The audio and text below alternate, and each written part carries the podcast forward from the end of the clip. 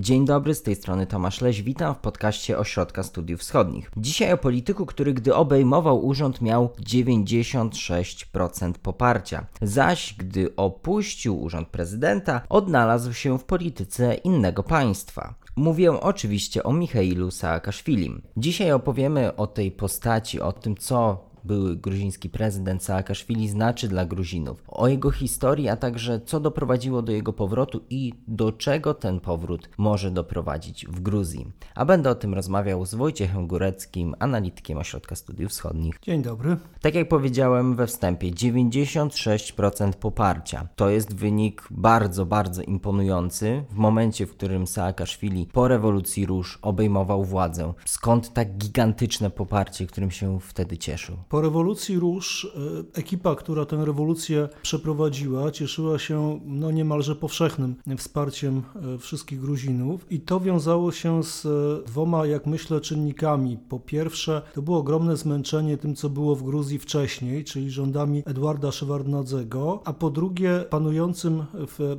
tym czasie jednak klimatem dość dużej otwartości i wolności słowa. Paradoksalnie, bo z jednej strony kraj gnił, za chwilę opowiem, jak to się przejawiało, ale z drugiej strony prasa była wolna, ludzie byli wolni i można było o tym wszystkim pisać, można było krytykować władzę, e, choć oczywiście nie miało to większego przełożenia na politykę państwa. Gruzja w czasach Edwarda Szewardnadzego przekształciła się stopniowo z państwa prawie upadłego do państwa stabilnego, aczkolwiek e, przeżartego korupcją i problemami gospodarczymi. Zasługą Szewardnadzego było to, że mm, uspokoił sytuację, ustabilizował ją, zakończył zakończył y, trwające na terenie Gruzji konflikty zbrojne. Stało się to kosztem pewnych koncesji w stosunku do Federacji Rosyjskiej, zgodą na rosyjskie bazy wojskowe na terytorium Gruzji. Notabene parlament gruziński nigdy tych porozumień o bazach nie ratyfikował. Pod koniec swojej politycznej kariery jako prezydent kraju Szewardnadze zresztą zaczął zmieniać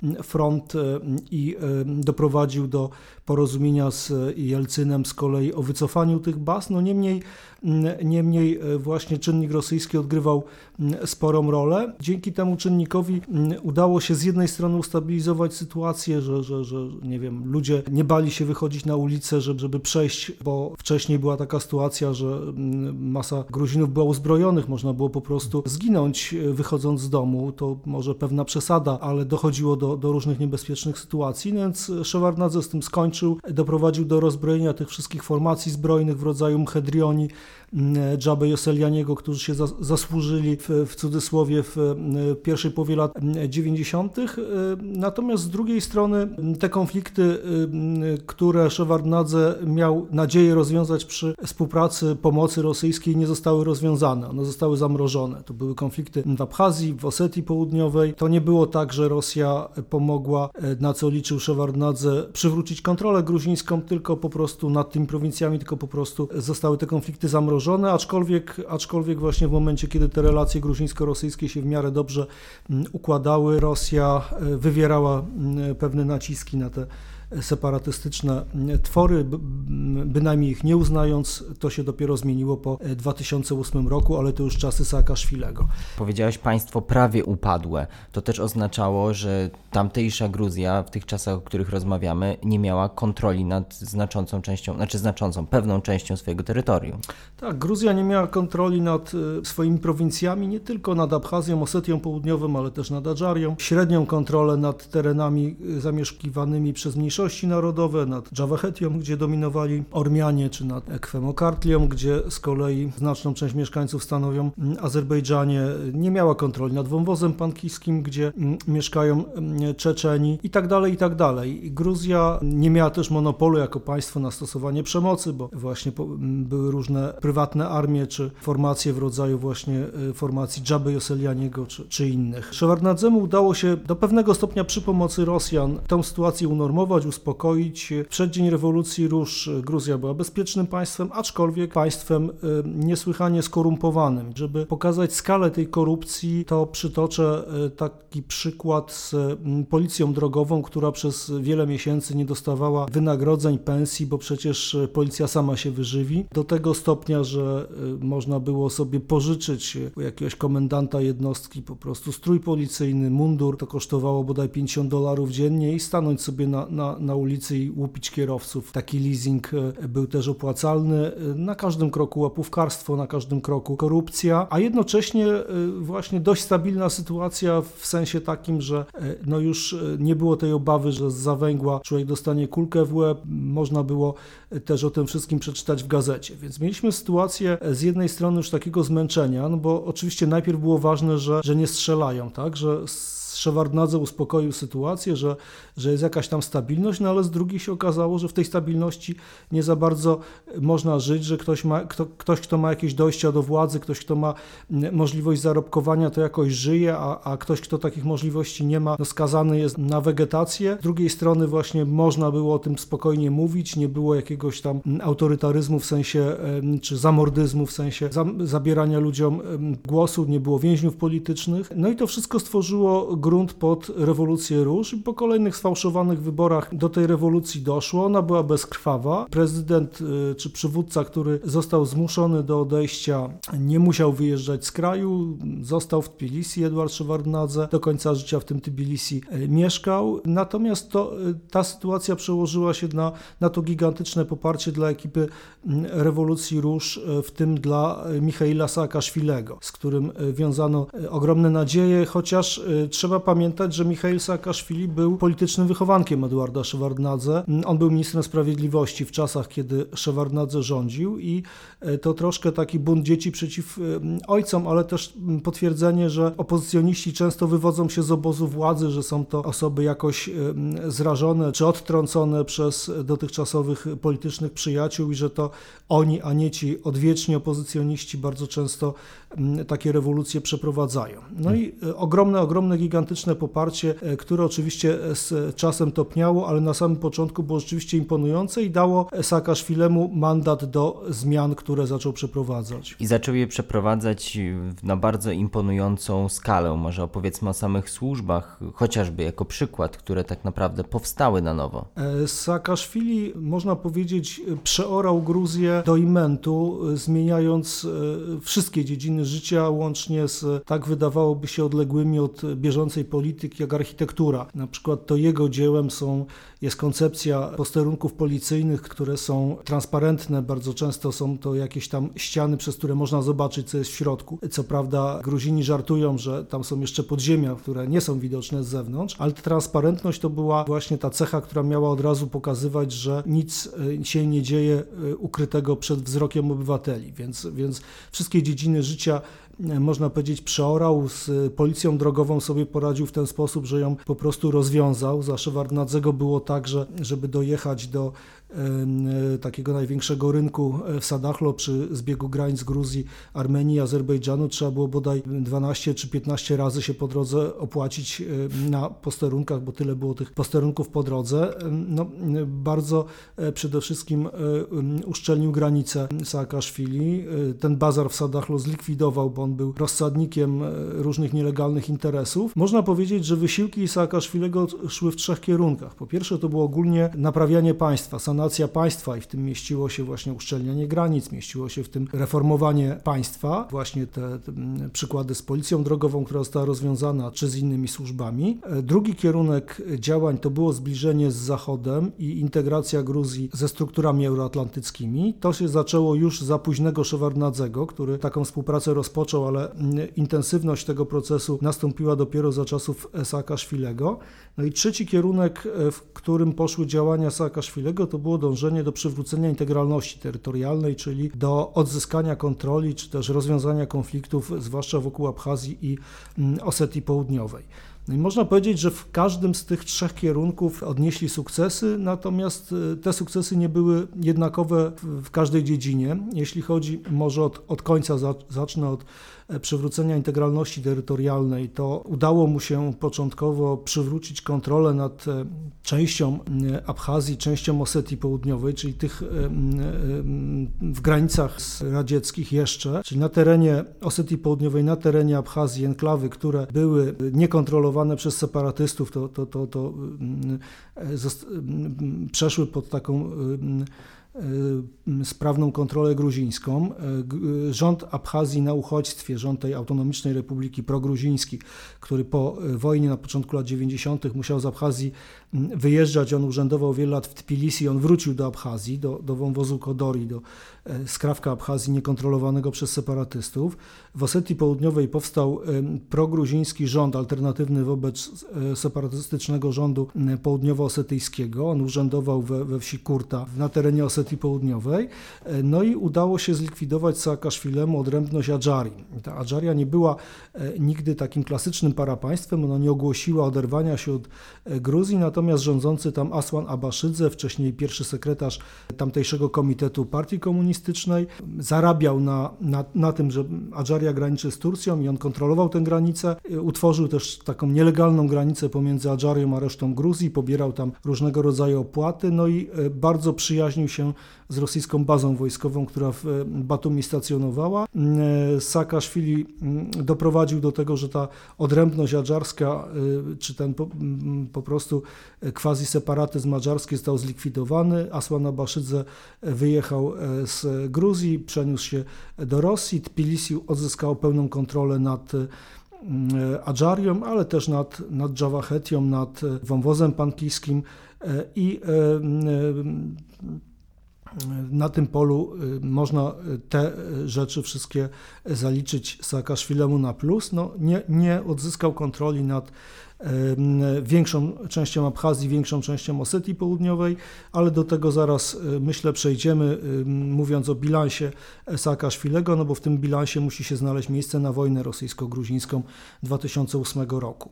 Jeśli chodzi o integrację ze strukturami euroatlantyckimi, to tutaj Saakaszwili zapoczątkował, czy może nie zapoczątkował, ale nadał impuls procesowi, który toczy się do tej pory. W 2008 roku w kwietniu na szczycie NATO w Bukareszcie padła ważna deklaracja, która co prawda w tej chwili wydaje się mało realna, ale której nikt nie odwoływał, mianowicie, że kiedyś w przyszłości Gruzja zostanie członkiem Paktu Północnoatlantyckiego. Po tym nastąpiły rozmaite umowy, współpraca. Gruzja wysyłała swoich żołnierzy do różnego rodzaju misji. Jeśli chodzi o współpracę z Unią Europejską, no to już następcy Saakaszwilego podpisali umowę stowarzyszeniową z Unią Europejską. Do tego doszło na, na szczycie Partnerstwa Wschodniego w Wilnie w 2013 roku. Natomiast no, tego wszystkiego by nie było, gdyby nie determinacja i taka niesamowita energia w tym kierunku Michaila Saakaszwilego. Zwłaszcza w kwestii reform gospodarczych, bo tutaj wręcz Gruzja w pewnym momencie była prymusem docenianym różnymi rodzaj, różnego rodzaju pomocą przez Międzynarodowy Fundusz Walutowy i inne, inne tego typu podmioty. To jest ten ostatni kierunek właśnie reform czy zmian y, prowadzonych przez Saakaszwilego i jego ekipę, czyli y, po prostu sanacja, sanacja państwa. On doprowadził do tego, że łapówkarstwo przestało w Gruzji istnieć. No mówię to z całą odpowiedzialnością. Tutaj też nie należy mylić łapówkarstwa z korupcją, bo korupcja to jest takie zjawisko, zwłaszcza na styku wielkiego biznesu z państwem, że, że mówienie o całkowitym wyeliminowaniu jest zawsze problematyczne. Zawsze jest jakaś tam szara strefa, która, która jest szersza, węższa, ale, ale istnieje. Zawsze są ludzie, którzy tego typu interesy niezbyt czyste chcą załatwiać. Natomiast łapówkarstwo rozumiane tak, że nie wiem, trzeba dać policjantowi, bo inaczej mnie nie przepuści jako kierowcy jadącemu gdzieś tam w swoich sprawach, czy trzeba dać lekarzowi, bo inaczej mnie nie zoperuje, no to, to, to, to przestało istnieć na przykład. Czy że trzeba dać łapówkę, żeby otrzymać, wyrobić sobie paszport. To wszystko odeszło w przeszłość. Dziś Gruzini sobie nie wyobrażają, że w takich codziennych życiowych sprawach muszą się, musieliby się komukolwiek opłacać i symbolem tej rządów Saakaszwilego są takie, takie instytucje, gdzie można wszystkie swoje sprawy załatwić. Bardzo wiele rzeczy można załatwić z, z domu, przez internet i miarą e, sukcesu Gruzji jest bardzo wysoka pozycja, jaką Gruzja zajmuje w rankingu Doing Business. To są czołowe pozycje na świecie, zwłaszcza w takich dziedzinach jak łatwość zarejestrowania własnej firmy, stosunkowo mała liczba procedur, która jest do tego wymagana, wolność gospodarcza itd. tak itd. Tak Oczywiście tutaj krytycy też powiedzą, że e, jeśli już w grę wchodzi bardzo duży biznes, no to tutaj się sprawy komplikują. Natomiast jeśli chodzi o small business czy średni biznes, to, to, to tu rzeczywiście te sukcesy są niewątpliwe i to, co Saakaszwili zrobił, e, jakoś tam trwa do tej pory. W każdym razie to niewątpliwie jest jego zasługa. E, I to może, może będziemy już wchodzić powolutku w bilans i podsumowanie tego, jakie są plusy, jakie są minusy dostrzegane przez Gruzinów i też przez nas jako, jako zewnętrznych obserwatorów. Byliśmy gdzieś tam przy tematach gospodarczych, to może je przez sekundkę pociągnijmy. Wspominałeś o, o tej wolności gospodarczej. Rzeczywiście kierunek reform gruziński był, był liberalny i z jednej strony rzeczywiście przyniosło to skutek widoczny w produkcie krajowym brutto tego kraju, ale z kolei drugą stroną jest bezrobocie, które, które cały czas w Gruzji, które w Gruzji zarządów Saakaszwilego było jednak cały czas spore. Saakaszwili e, skupił się na takich e, sztandarowych rzeczach. E, mówiąc o infrastrukturze, no przede wszystkim miał na myśli Tbilisi, Batumi, które, które zmienił. Nie wszystkim się te zmiany podobają, ale miasto zyskało zupełnie nowe oblicze. Lotniska, główne drogi w kraju. Natomiast Gruzja to jest też kraj poza wielkimi miastami, poza tymi drogami. Można powiedzieć, że y, oczywiście nie od razu Kraków, czy też nie od razu Tbilisi zbudowano, że zapóźnienia były mm, bardzo duże i trzeba było od czegoś zacząć, ale rzeczywiście prawdą jest to, że mm, Gruzja y, troszkę pękła na takie dwa państwa, na, na Tbilisi i może jeszcze kilka innych y, dużych miast, na infrastrukturę pomiędzy nimi, właśnie te, te lotniska, które umożliwiają dolot także z Polski komfortowych warunkach nie tylko do Tbilisi, ale też do Kutaisi, do Batumi w sezonie. I na tę Gruzję małych miasteczek, wiosek, Gruzję rolniczą, Gruzję niezarabiającą na turystyce, y, gdzie, gdzie żyje się gorzej. Tutaj jeśli chodzi o te negatywne y, aspekty, ale trudno y, o to obwiniać Saakaszwilego w tym sensie, że on nie jest temu winien, on po prostu jest winien temu, że może nie poświęcił dużo uwagi, ale to nie on spowodował. On, on może nie skupił się za bardzo na tych takich sztandarowych rzeczach. Ta uwaga nie była równomiernie rozdzielona pomiędzy, nie wiem, wszystkie sektory gospodarki, ale prawdą jest, że w Gruzji jest bardzo duże bezrobocie. Ona według różnych metodologii liczone może nawet sięgać kilkudziesięciu procent. Ja tutaj nie chcę celowo nazywać e, konkretnych, e, konkretnych danych, bo one się bardzo różnią, ale słyszałem bardzo, bardzo zawrotne też e, dane, jeśli chodzi o pracę na przykład w rolnictwie, gdzie jest duże zjawisko bezrobocia ukrytego, bo ktoś tam formalnie bezrobotny nie jest, a faktycznie to jest taka gospodarka naturalna, że jest stanie może przeżyć czy nie umrzeć z głodu, ale, ale o jakimkolwiek rozwoju nie ma mowy.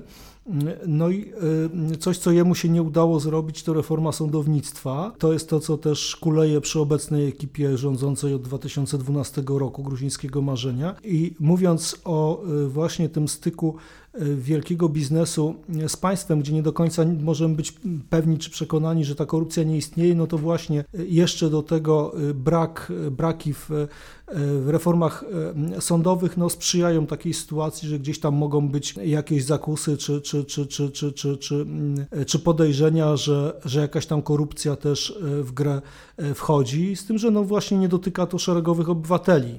Czucie obywateli jest takie, że mogą swoje sprawy spokojnie załatwić, a urzędnik nie jest kimś takim, kto czyha na ich e, pieniądze. No właśnie, jak jesteśmy przy tych patologiach władzy, to coś, co było zarzucane Saakaszwilemu, to to, że Gruzja za jego czasów stawała się w pewnych momentach bardziej autorytarna, tak uważali jego, jego przeciwnicy, że tworzą się struktury pozapaństwowe, że decyzje są podejmowane w gronie nie premiera, ministrów i prezydenta oczywiście, ale w gronie E, jakichś zaufanych współpracowników prezydenta. Czy rzeczywiście te zarzuty miały nutkę prawdy, że, że Saakaszwili i jego ekipa miały takie, mieli takie tego typu zapędy?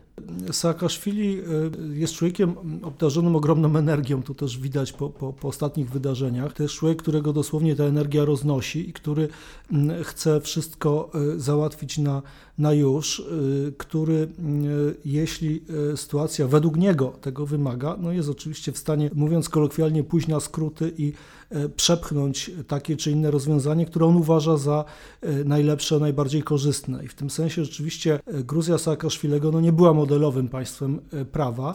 No i coś, co mm, ostatecznie przesądziło porażce jego formacji politycznej, to były ujawnione nagrania z więzienia, gdzie zarejestrowano po prostu nieludzkie odnoszenie się do, do więźniów. Zresztą Gruzja miała bardzo wysoki, jeden z najwyższych na świecie odsetek więźniów. To się liczy w ten sposób, że się porównuje liczbę więźniów do 100 tysięcy mieszkańców i ten wskaźnik e, Gruzja miała rzeczywiście bardzo, bardzo wysoki, dużo, dużo wyższy niż e, za czasów e, Edwarda Szewardnadze i dużo wyższy niż, niż obecnie. I rzeczywiście grono najbliższych zaufanych współpracowników Saakaszwilego no, nie powiem, że tworzyło taki super rząd, ale niewątpliwie e, Saakaszwili miał taką tendencję, żeby po prostu sprawy załatwiać szybko i nie do końca e, patrząc na formalne procedury. I to jest zresztą e, coś, o co, za co został prawomocnie skazany już po swoim wyjeździe na emigrację, bo mm, jedna z rzeczy, które mu zarzucano i która ostatecznie inna rzecz, że w sposób motywowany politycznie przesądziła o skazaniu go prawomocnym wyrokiem, dlatego przekroczywszy granicę Gruzji Saakaszwili trafił do, do więzienia, no to były uchybienia formalne przy ułaskawieniu osób zaangażowanych w morderstwo jednego z bankierów. Tam byli zaangażowani policjanci, funkcjonariusze Ministerstwa Spraw Wewnętrznych i Saakaszwili ich ułaskawił, do czego oczywiście miał prawo jako prezydent mógł łaskawić każdego, natomiast y, obowiązywały pewne procedury, których on nie dotrzymał. I jeszcze, ponieważ to była tak bulwersująca sprawa, więc taki wyrok zapadł, tak jak mówię, motywowany politycznie, no tym niemniej oparty na zarzutach nie wyssanych z palca, ale realnych. I ten przykład pokazuje, że rzeczywiście e, dla Saakaszwilego y, najważniejszy był cel do osiągnięcia, e, nie sposób i y, chociaż mógł mieć najlepsze intencje, no to, to nieraz właśnie na tym polega państwo prawa, żeby, że, że mamy pewne instytucje, na których się powinniśmy opierać i, i których się trzymać. Do zarzutów tych prawnych, które są stawiane Saakaszwilemu, jeszcze wrócimy, ale chciałem pociągnąć temat, który wywołałeś kilka minut temu, to znaczy wojna gruzińsko-rosyjska. Jak ten element jest oceniany, postawa Saakaszwilego w tamtych dniach. E, można powiedzieć, że wojna rosyjsko-gruzińska uratowała Saakaszwilego, który, którego pozycja się wtedy zaczęła chwiać z tego mm, ponad 90% mm, poparcia. Mm, jego popularność zaczęła e, zaczęła spadać i jesienią 2007 roku doszło do bardzo dużych demonstracji antyrządowych. Tam e, nawet, nawet były ofiary śmiertelne, bo, bo, bo te demonstracje były jakoś tłumione brutalnie. Mm, były brutalnie po prostu tłumione. Mm, zresztą to jest sprawa, która się cały czas przeciwko mm, Saakaszwilemu toczy, o nadużycie władzy. Natomiast wojna jest zawsze takim, e, takim elementem, czy takim wydarzeniem, takim procesem, która jednoczy naród wokół przywódcy. I wojna wzmocniła Saakaszwilego. Ta wojna, nie wiem, czy się jej dało uniknąć. Bardzo wiele napisano o tej wojnie. Ja sam miałem okazję e, pracować w e, misji Unii Europejskiej powołanej dla zbadania przyczyn tej tej wojny, tego konfliktu i mm, misji kierowanej przez panią ambasador Heidi Tagliavini, e, której efektem pracy naszej był mm, około tysiącstronicowy mm, raport. Nie ma tutaj możliwości, żeby powiedzieć o wszystkich aspektach tej wojny, natomiast ona wzmocniła pozycję wewnętrzną Saakaszwilego i większość Gruzinów po prostu uznała, że E, tak czy tak tej wojny mm, uniknąć by się nie dało. Zresztą Gruzini, Gruzja straciła, można powiedzieć, de jure, nie, nie de facto, bo y, Abchazji Osetii Południowej nie kontrolowała. No, straciła de facto, straciła mm, te enklawy na terenie Osetii Południowej i Abchazji, które kontrolowała przed 2008 rokiem, bo w tej chwili nie kontroluje nic w tych, w tych granicach. No i oczywiście Rosja uznała niepodległość Abchazji Osetii Południowej. Wraz z Rosją uczyniło to kilka innych państw na świecie ostatnio, nie, nie tak ostatnia, ale jako ostatnia Syria. Ta wojna niewątpliwie oddaliła perspektywę członkostwa Gruzji w Pakcie Północnoatlantyckim w, w NATO. Mhm. Natomiast jeśli mówimy o bilansie rządów Saakaszwilego, no to przede wszystkim podstawową sprawą jest ten ogromny cywilizacyjny E, postęp, e, który się dokonał.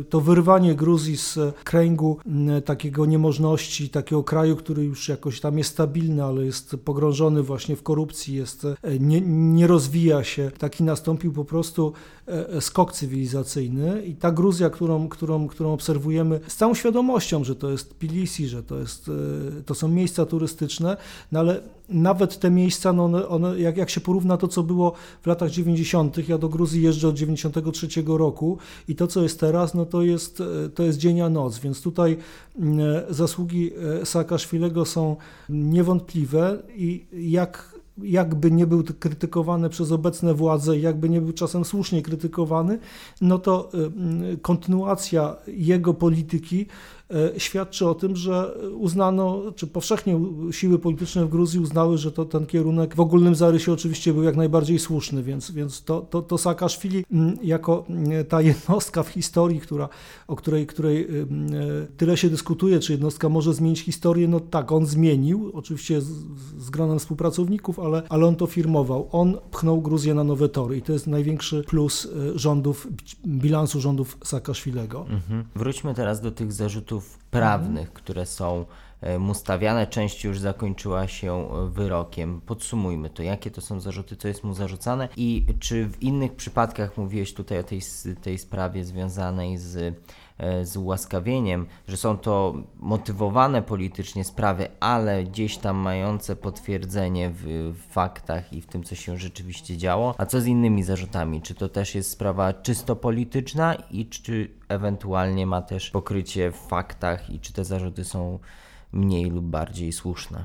E, Saakaszwili został skazany w dwóch sprawach. Po pierwsze właśnie o nieprawidłowości przy ułaskawianiu os osób zaangażowanych w morderstwo. Druga sprawa dotyczyła organizacji pobicia jednego deputowanego. Trzecia sprawa, która się jeszcze nie zakończyła, dotyczy nadużyć władzy w postaci nadużyć finansowych. Nie były to duże kwoty, ale to były jakieś tam kuracje odchudzające, jakieś tam e, ubrania. Można powiedzieć, że, że rzeczy będące jakimiś detalami, natomiast e, oczywiście, jeżeli literalnie popatrzymy, to, to nie powinny mieć miejsca i rzeczywiście one pokazują, że dla Saakaszwilego najważniejszy był cel, a nie przestrzeganie formalnych procedur. Jak pokazuje przykład tych nadużyć, no, one rzeczywiście miały miejsce, aczkolwiek y, y, ciąganie y, za to Saakaszwilego i taka konsekwencja w przeprowadzaniu procedur sądowych w wyrokach skazujących, no jednak y, trudno się y, oprzeć wrażeniu, że jest to motywowane y, politycznie. Ciężko to zbrodnią stanu nazwać. To nie, ciężko to zbrodnią stanu nazwać, to nie jest zbrodnia stanu, natomiast no oczywiście podstawy, podstawy jakieś tam były, natomiast oczywiście to jest zemsta polityczna. No i mamy jeszcze sprawę te, telewizji i medii i założyciela e, Badri Patakaczyszwilego, biznesmena nieżyjącego już. E, ta sprawa się też cały czas toczy i tu, tu, tu chodzi o przejęcie o przejęcie e, po prostu telewizji, mówiąc, mówiąc najbardziej ogólnie, to też, to też ma stanowić dowód, że Saakaszwili tą wolność słowa, która istniała za czasów Edwarda Szewardnadze, że on, że on zmniejszył. I ostatnia sprawa, mm, tutaj najbardziej czysta i y, sprawa, w której niewątpliwie złamał prawo Saakaszwili, no to jest kwestia jego powrotu do Gruzji y, poza y, systemem przejść granicznych i E, poza oficjalnymi drogami, mianowicie Saakaszwili 1 października przemycił się do Gruzji, wjechał do Gruzji nielegalnie i to jest najbardziej e, taka, e, można powiedzieć, czysta sprawa, no bo tutaj nikt nie ma najmniejszych wątpliwości, że prawo Saakaszwili złamał. Mhm. Do tej sprawy wrócimy na koniec i, i to podsumujemy to, co się wydarzyło w ostatnich dniach, tygodniach, ale idąc dalej i zamykając temat prezydentury, Saakaszwilego, on jej nie skończył na terytorium Gruzji. Tak, Saakaszwili nie skończył prezydentury na terytorium Gruzji. Tutaj trzeba cofnąć się o kilka lat wstecz i opowiedzieć trochę o reformie konstytucyjnej przeprowadzonej przez Saakaszwilego. No ona szła w duchu zaleceń Komisji Weneckiej i dopasowania gruzińskiej praktyki do standardów zachodnich, mianowicie, żeby zmienić system z prezydenckiego na parlamentarno-gabinetowy, że to prezydent jest oczywiście głową państwa, natomiast realnie rządzi premier wysunięty przez większość, zwycięską większość z wyborów parlamentarnych. No i tutaj można domniemywać, że Saakaszwilemu prawdopodobnie chodziło o to, że w perspektywie końca jego drugiej i ostatniej kadencji prezydenckiej no, miał y, taki pomysł, żeby rządzić dalej jako, jako premier, po prostu po wygranych przez jego ugrupowanie wyborach parlamentarnych. Tym niemniej ustawodawstwo, które zostało wprowadzone, no szło w, w, kierunku takich zachodnich y, uregulowań. No i y, wybory parlamentarne, które się odbyły jesienią 2012 roku, były takim y, pierwszym, pierwszym, pierwszym, pierwszym sprawdzam. I te wybory Saakaszwili przegrał. Przegrała je formacja stworzona przez Saakaszwilego, czyli Zjednoczony Ruch Narodowy. Wygrał y, miliarder Bidzina Iwaniszwili i jego formacja y, Gruzińskie Marzenie i to Bidzina Iwaniszwili został premierem. Że ponieważ y, przewidziano pewne wakacje legis, pewne mm, zapisy wchodziły w życie dopiero po zakończeniu kadencji e, Saakaszwilego, to Saakaszwili jeszcze jako prezydent miał większe prerogatywy niż e, no już kolejni prezydenci, kolejni szefowie państwa gruzińskiego i przez rok mieliśmy taką polityczną kohabitację. Premierem był lider zwycięskiego ugrupowania gruzińskiego marzenia Bidzina Iwaniszwili, prezydentem był Michail Saakaszwili. To trwało do jesieni 2013 roku, do wyborów prezydenckich w których Saakaszwili już nie mógł wziąć udziału, a e, jako premier no już nie mógł rządzić, bo, bo, bo jego ugrupowanie nie wygrało w wyborach. No i przed końcem swojej kadencji on, on wyjechał z kraju, pewnie spodziewając się politycznej zemsty ze strony, ze strony gruzińskiego marzenia, ze strony swoich oponentów. No i w, w, ta kadencja e, skończyła mu się e, jesienią 2013 roku i w, rozpoczął się okres emigracyjny działalności Michaela Saakaszwilego. Właśnie ten okres emigracyjny. Nie będziemy tutaj wchodzić głęboko w meandra ukraińskiej polityki, bo to jest temat na zupełnie inny podcast i na zupełnie inną opowieść. E, ale to, co szczególnie wydaje mi się ciekawe i warte poruszenia, to to, jak ten okres ukraiński, gdy Saakaszwili był po prostu politykiem ukraińskim, miał ukraińskie obywatelstwo i teraz na powrót te obywatelstwo ma.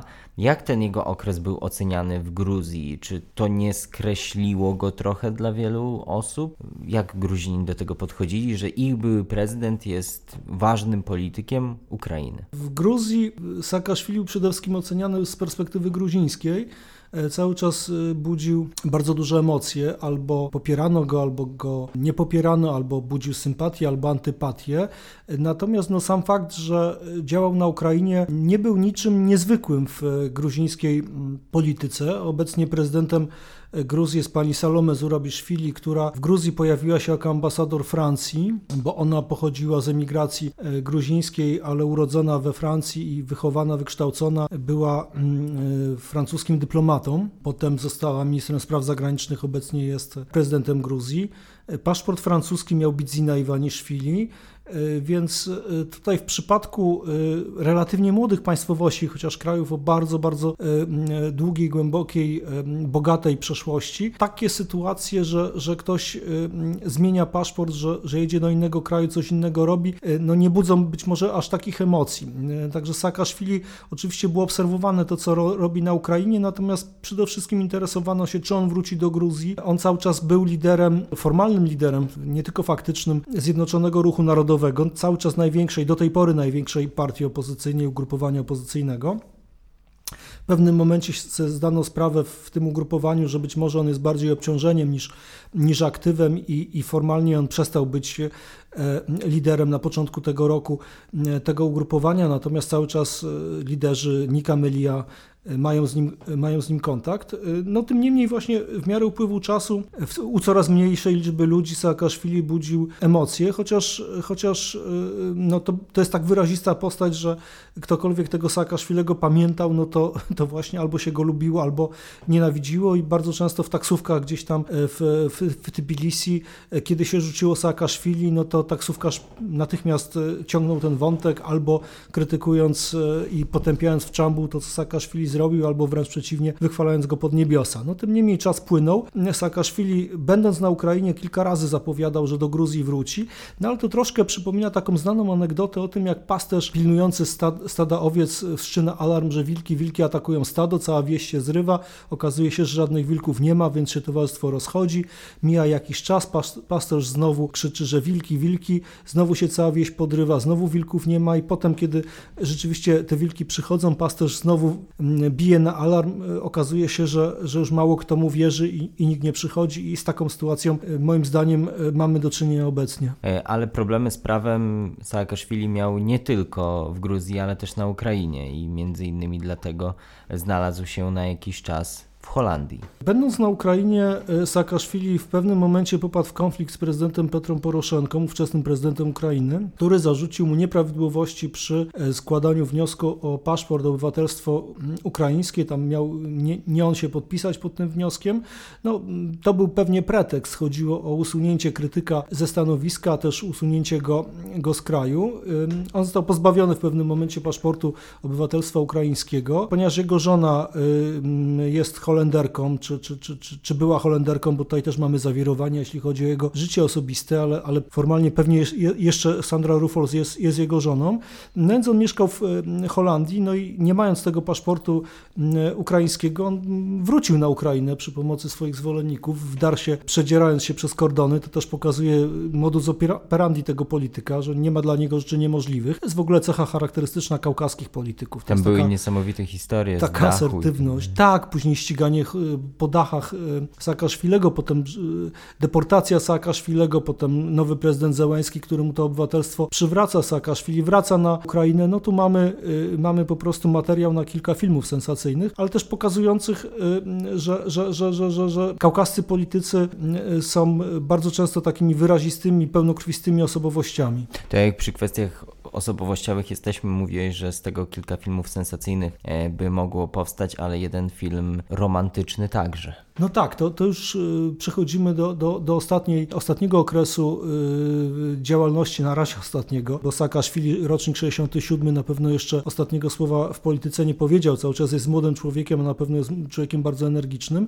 Mm, kiedy znalazł się w więzieniu już na terytorium e, Gruzji, po, po tym jak wieczorem 1 października, w piątek 1 października tego roku został, został aresztowany, deputowana do e, parlamentu ukraińskiego Liza Jaśko, México opublikowała taki filmik, w którym e, przyznaje się Saakaszwili, Saakaszwili występuje razem z nią w tym filmiku, przyznaje się do, do związku z nią, ona zresztą potem pojechała do, e, do, do Gruzji, widziała się w więzieniu w Rustawi z Saakaszwilim, co wywołało niesamowitą konsternację właśnie u jego żony, u Sandry Rufols, która stwierdziła, że całkowitym zaskoczeniem był dla niej ten film, że, że jest to sytuacja niedopuszczalna. Jeszcze we wrześniu razem spędzali urlop w, w Grecji, tymczasem ten, ten związek z deputowaną ukraińską miał parę miesięcy trwać, to, to wprawiło w konsternację nie tylko y, żonę Saakaszwilego, ale też y, sympatyków tego gruzińskiego polityka, których jest cały czas, cały czas sporo, bo to po prostu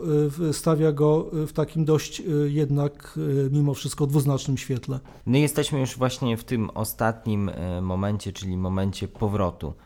Dlaczego teraz? Dlaczego teraz Saakaszwili tak jak y, w tej anegdocie, którą przytaczałeś, dlaczego po tych wielu latach tak naprawdę zapowiedzi, że wróci, że, że będzie na, w Gruzji ponownie, zrobił to akurat teraz w 2021 roku przed wyborami samorządowymi. Dlaczego Saakaszwili teraz zdecydował się na powrót? No, myślę, że że dwa czynniki zadecydowały. Po pierwsze, no, skończyła mu się ta cierpliwość. On bardzo chciał wrócić do Gruzji, a nie mam najmniejszej wątpliwości, że to jest szczery gruziński patriota, że on naprawdę kocha swój kraj.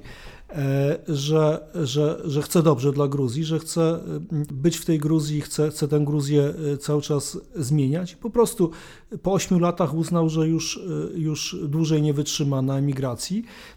Druga sprawa to pewnie jakaś jego polityczna kalkulacja. I teraz pytanie, czy, czy, czy, czy, czy błędna, czy niebłędna. Rozmawiamy pomiędzy pierwszą a drugą turą wyborów samorządowych, które tak naprawdę są dużo ważniejsze niż przeciętne wybory lokalne, bo, bo, bo to jest taki plebiscyt popularności partii politycznych. E, tutaj ten czynnik Saakaszwilego niewątpliwie też e, odgrywa bardzo, bardzo, bardzo istotną rolę. Być może on liczył na to, że, że, że tłumy ludzi za nim pójdą, być może by poszły, tak jak w tej anegdocie, o której mówiliśmy, gdyby ten pasterz wcześniej tej wioski e, kilka razy na nogi nie stawiał. No ale piłka jest w grze, mówiąc językiem komentatorów sportowych. Historia się nie zakończyła. Zobaczymy, jaki będzie ciąg dalszy. Na razie Saakaszwili e, siedzi w więzieniu, prowadzi głodówkę, schudł kilkanaście kilogramów i teraz pytanie jest, czy on e, nie, nie znajdzie się w, w szpitalu, czy, on, e, czy jemu, jego zdrowiu, jego życiu nie zagraża niebezpieczeństwo. No on twierdzi, że do wyborów e, do drugiej tury, która odbędzie się 30 października, e, da radę, e, dotrwa. Ironizuje na ten temat premier Irakli Garibaszwili. Natomiast sytuacja jest oczywiście, oczywiście, oczywiście poważna, bo Saakaszwili jest takim politykiem, który się angażuje na 100% we wszystko, co robi. On się spala w tym, w tym, w tym, w tym co robi i poza wszystkim on bardzo źle będzie znosił bezczynność, która jest jakby przypisana do, do, statusu, do statusu więźnia. Czy on się pomylił? Pomylił, czy się nie pomylił, czy zdecydowała ta miłość do ojczyzny i ta tęsknota, ta nostalgia, e, tego nie wiemy, natomiast wiemy z całą pewnością, że on jeszcze da o sobie usłyszeć, nie da o sobie zapomnieć. Bardzo ciekawy jest też wątek, jak on wrócił, to znaczy powiedziałeś już o tym, że przekroczył granicę w sposób nielegalny, ale on ośmieszył niejako służby gruzińskie i gruzińskie państwo obecne, gdyż zapowiedział, że wróci na lotnisko, tam wszyscy na niego czekali, pokazał nawet, zdaje się, bilet lotniczy, a wrócił, a wrócił wrócił rzeczywiście wcześniej. No, on miał przylecieć wieczorem w dniu wyborów, czyli w sobotę 2 października, rejsem z Kijowa razem z swoją mamą, panią profesor Julia Lazania. Mm, e, rzeczywiście publikował w mediach społecznościowych swój bilet, natomiast 1 października ni stąd ni zowąd ogłosił, że jest w Gruzji. E, władze przez kilka godzin zaprzeczały temu intensywnie, twierdząc, że taki człowiek nie przekroczył granicy państwa. Potem jednak aresztowano go w Tbilisi. W jaki sposób przekroczył granicę do końca nie wiemy, aczkolwiek z różnych przecieków e, można się domyśleć, że przyjechał z Ukrainy, e, przyjechał w ciężarówce, przemycony w ciężarówce, która przypłynęła promem z Ukrainy do portu Potiv w Gruzji.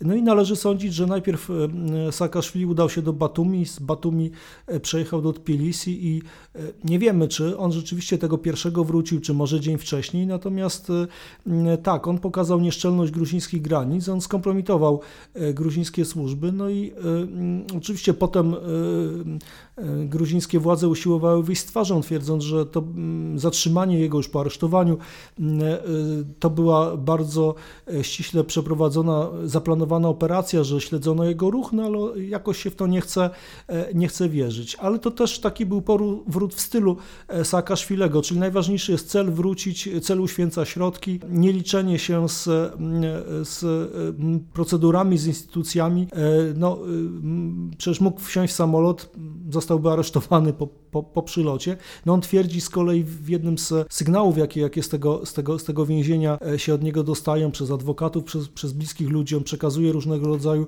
komunikaty. On się bał, że ten samolot, którym on będzie z Kijowa leciał, nie zostanie wpuszczony do Gruzji, że on gdzieś tam wyląduje w Azerbejdżanie albo w Armenii, że on musiał w ten sposób. No, nie jesteśmy w stanie tego zweryfikować, natomiast sposób, w jaki Saakaszwili wrócił, jest bardzo taki miszowski, taki saakaszwilowski, czyli e, po prostu e, właśnie cel uświęca środki. To też pokazuje charakter tego człowieka, prawda? To też pokazuje taką niebanalność politycznego charakteru Michaila Saakaszwilego też pokazuje, że, że jest to polityk niestandardowy i na pewno nietuzinkowy. Mhm. Żeby spiąć i zakończyć tą naszą rozmowę taką klamrą, troszkę już o tym mówiłeś, ale chciałem zadać to pytanie wprost. Saakaszwili znajduje się w takim położeniu, że z jednej strony jest, jest w więzieniu, z drugiej strony działa jego partia. e, którą, którą zakładał, której był przywódcą, e, ale ta partia to już są zupełnie inni, inni ludzie. Też zdaje się o różnym stosunku do swojego byłego lidera, byłego przywódcy.